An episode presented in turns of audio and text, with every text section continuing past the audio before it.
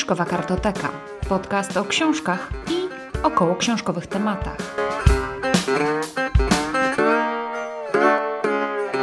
Cześć, ja jestem Monika, a to jest podcast Fiszkowa Kartoteka.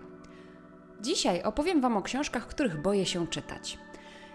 Jest to temat tagu, na który ostatnio trafiłam na BookTubie i jego oryginalny tytuł brzmi Intimidating Book Tag. Nie wiem, kto jest jego pierwszym twórcą, bo widzę, że on jest w sieci już od kilku ładnych lat. Ja go po prostu dopiero niedawno zobaczyłam po raz pierwszy, troszkę się wciągnęłam, posłuchałam, co mówią inni. A chodzi w nim o to, aby opowiedzieć o książkach, które nas onieśmielają, których boicie się czytać, boimy się czytać, albo ja się boję czytać z różnych względów.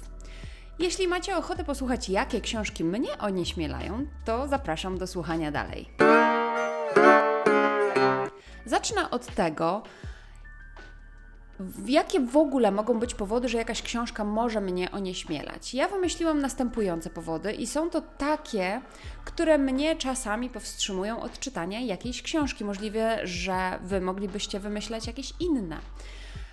I jest tych powodów, jeśli się nie mylę, 8. Najpierw je wymienię, a potem wymienię książki, które podpadają pod te konkretne kategorie.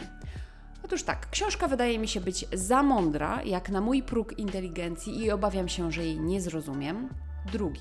Książka porusza temat, który wydaje mi się być trudny lub mnie nie interesuje.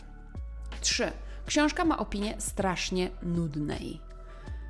Cztery. Widziałam film i wydaje mi się, że książka mu nie dorówna, bo film był tak dobry.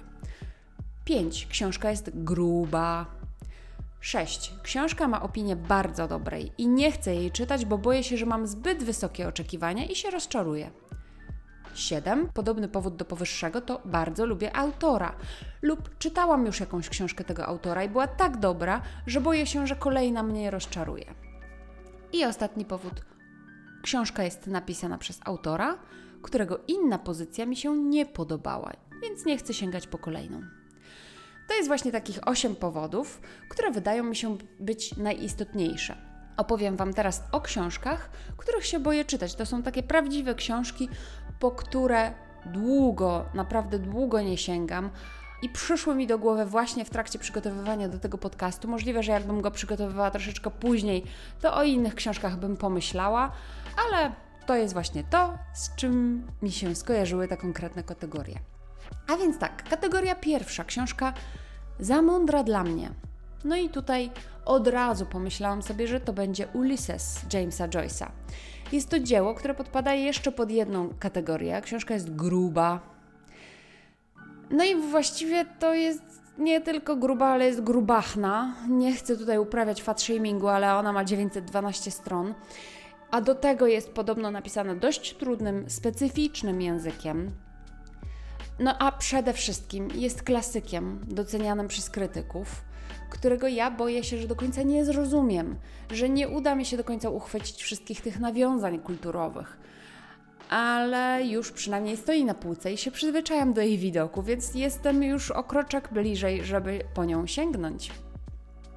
Z kategorii drugiej, czyli książka poruszająca temat, który wydaje mi się być trudny lub mnie nieinteresujący. No i ja jestem taką osobą, która nie lubi czytać o wojnie. Ja wiem, że wojny są, wiem, że wojny były i prawdopodobnie będą, ale po prostu nie jest to temat, który chciałabym znajdować w książkach. Nie lubię czytać o okrucieństwie, opisy bitew, walk, działań politycznych po prostu mnie nudzą, nie interesują mnie. Nie jest to nic, co mnie interesuje zupełnie w książkach. Więc na przykład bałam się przeczytać rzeźnia numer 5 Kurta Fonaguta, jak i paragrafu 22 Hellera. Wiedziałam, że obie książki są o wojnie, co mnie naprawdę odstręczało od nich, ale z drugiej strony wiem, że są to książki bardzo doceniane przez krytyków, bardzo też lubiane przez czytelników, więc w jakiś tam sposób mnie do nich ciągnęło. No i rzeźnię numer 5 przeczytałam w ubiegłym roku. Bardzo mi się podobała. Zobaczyłam, że wojnę można opisać w inny sposób niż po prostu nudny opis walki i tak dalej. Ona też w pewien sposób odczarowała mi ten temat wojenny. Dlatego już nie boję się przeczytać paragrafu 22 um, Hallera, tylko po prostu mam dużo innych książek w tym momencie do przeczytania i chyba tylko i wyłącznie z tego powodu nie jest, jeszcze po niego nie sięgnęłam. Ale tak, jest na mojej liście, ale to był taki temat właśnie, po który do tej pory no nie sięgałam. Kategoria trzecia, czyli książka, która ma opinię strasznie nudnej. No i tutaj chyba najbardziej pasowałby Proust. Tak sobie o nim pomyślałam. Jeżeli nie mówimy o lekturach szkolnych, bo wiele osób uważa lektury szkolne za nudne, jak na przykład nad Niemnem, jakichś Krzyżaków, czy też inne sienkiewiczowskie utwory, to jeżeli nie mówimy właśnie o tych lekturach, to, to byłby to chyba Prust i jego w poszukiwaniu straconego czasu, który jest taką kwintesencją nudy, który opisuje wszystko, co się wydarzyło. I to może być nudne dla ludzi, ale ja na przykład pierwszy tom e, w poszukiwaniu straconego czasu przeczytałam jeszcze w liceum i bardzo mi się podobało. Z tego co pamiętam, to była bardzo dowcipna książka. Ale było to bardzo dawno. E, ja teraz tę książkę mam w innym tłumaczeniu.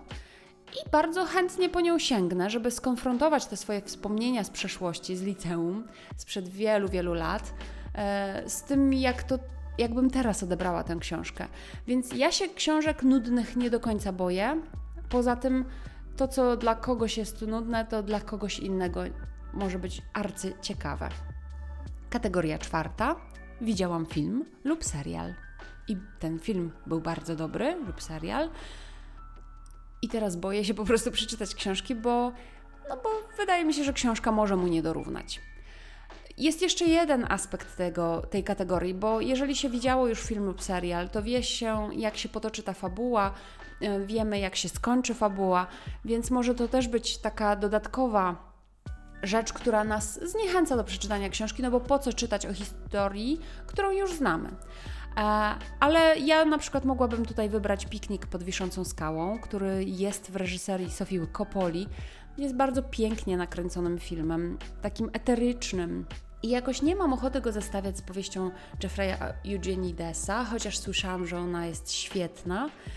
Eee, tak, zdecydowanie za mało Eugenidesa czytałam. Eee, muszę się zabrać za e, jakąś jego książkę, ale chyba nie będzie to Piknik pod wiszącą skałą. I tak samo bardzo, ale to bardzo, podobał mi się film Okruchy Dnia w reżyserii Jamesa Ivorego z Antonem Hopkinsem na przykład. I nie chcę czytać tej powieści Kazuo Ishiguro, e, bo nie chcę sobie zepsuć po prostu tego odbioru. No, to był bardzo, bardzo piękny film. Są też takie filmy, których obejrzeć nie chcę, żeby sobie nie zepsuć dobrej książki, którą przeczytałam, ale to już zupełnie inna historia, jakby odwrotna. Kategoria piąta to książka ma bardzo dobrą opinię i boję się, że mnie rozczaruje. No i tutaj jest na przykład Lolita Władimira Nabokowa. Ja mam wobec tej książki bardzo wysokie oczekiwania. Ja już ją kupiłam w antykwariacie, bo bardzo trudno ją dostać jest, ale niedawno ją kupiłam w antykwariacie, już na mnie czeka, ale trochę mam obawy. Trochę mam obawy, bo jestem nastawiona wobec niej, że to będzie coś fantastycznego, że to będzie, że to będzie takie arcydzieło, które mnie powali na łopatki. Plus do tego to jest też taka książka, która słyszałam, że ma mnóstwo odwołań do dzieł literatury, które chciałabym znaleźć, chciałabym je umieć odszyfrować, ale obawiam się, że właśnie będzie mi brakowało trochę wiedzy i trochę erudycji i oczytania, no ale cóż. No i są też takie książki, które mogłyby podpadać też pod tę kategorię, które mają bardzo dobrą opinię i są nowościami, wszyscy je czytają, wszędzie je widzę, albo na e, Facebooku, czy też na Instagramie, albo na mm, Booktubie wszyscy o nich opowiadają i wszyscy opowiadają o nich w samych superlatywach, a ja tak to do końca nie ufam, albo też nie chcę do końca mm, czytać tego, co wszyscy czytają, i choć na przykład ciekawi mnie Radosław Rak i jego baśnie o wężowym sercu, to trochę chciałabym odczekać ten boom. Niech się to wszystko uspokoi naokoło niego i wtedy sięgnę po niego. Chociaż bardzo mnie ciekawi, naprawdę jeszcze nie jestem pewna, czy nie sięgnę po, jeszcze w tym roku po tę książkę. No i kolejna kategoria, czyli lubię autora i nie chcę się rozczarować jego kolejną powieścią. Tutaj się wstrzymywałam dość Krótko, ale się wstrzymywałam przed kolejną książką, czyli ostatnią książką e, Wita Szostaka, cudze słowa, e, bo bardzo lubię tego autora. To jest naprawdę mój ulubiony polski autor. I, i miałam troszeczkę obaw, czy, czy ta książka będzie dobra. Wstrzymywałam się krótko, no bo oczywiście mnie ciekawiło, co napisał Wit Szostak, ale tak, miałam takie lekkie obawy.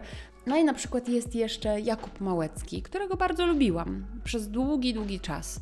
Ale po jego kolejnej powieści uznałam, że pisze już właściwie to samo, troszeczkę w inny sposób, ale opowiada tę samą historię w bardzo podobną konstrukcję fabularną. To wszystko ubiera i przestałam się rzucać na jego nowe książki, więc zatrzymałam się na Nikt nie idzie i już nie czytałam ani Horyzontu, ani Saturnina, no bo po prostu szkoda mi też psuć sobie takiego wizerunku Jakuba Małeckiego jako mm, dobrego autora. No i ostatecznie książka jest napisana przez autora, którego inna pozycja mi się nie podobała.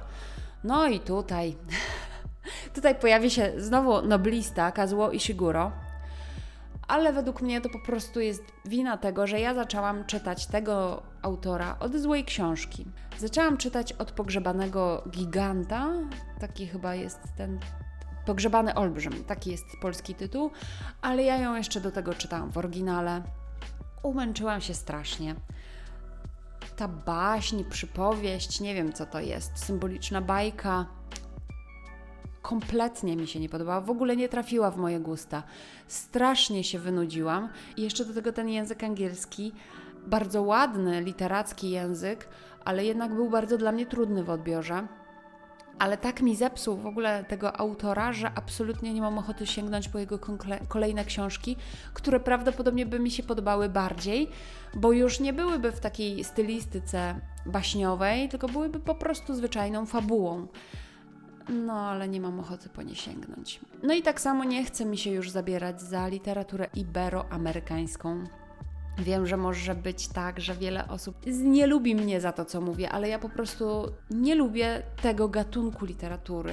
Ja wiem, że teraz literatura iberoamerykańska ma zupełnie inne wątki, zupełnie inaczej się teraz pisze. W latach, już w wieku XXI na pewno się inaczej pisze, natomiast mnie te wszystkie powieści autorów jak Gabriel Garcia Marquez, jego 100 lat samotności, Julio Cortázar, jego gra w klasę, Roberto Bolano i 2666 mm,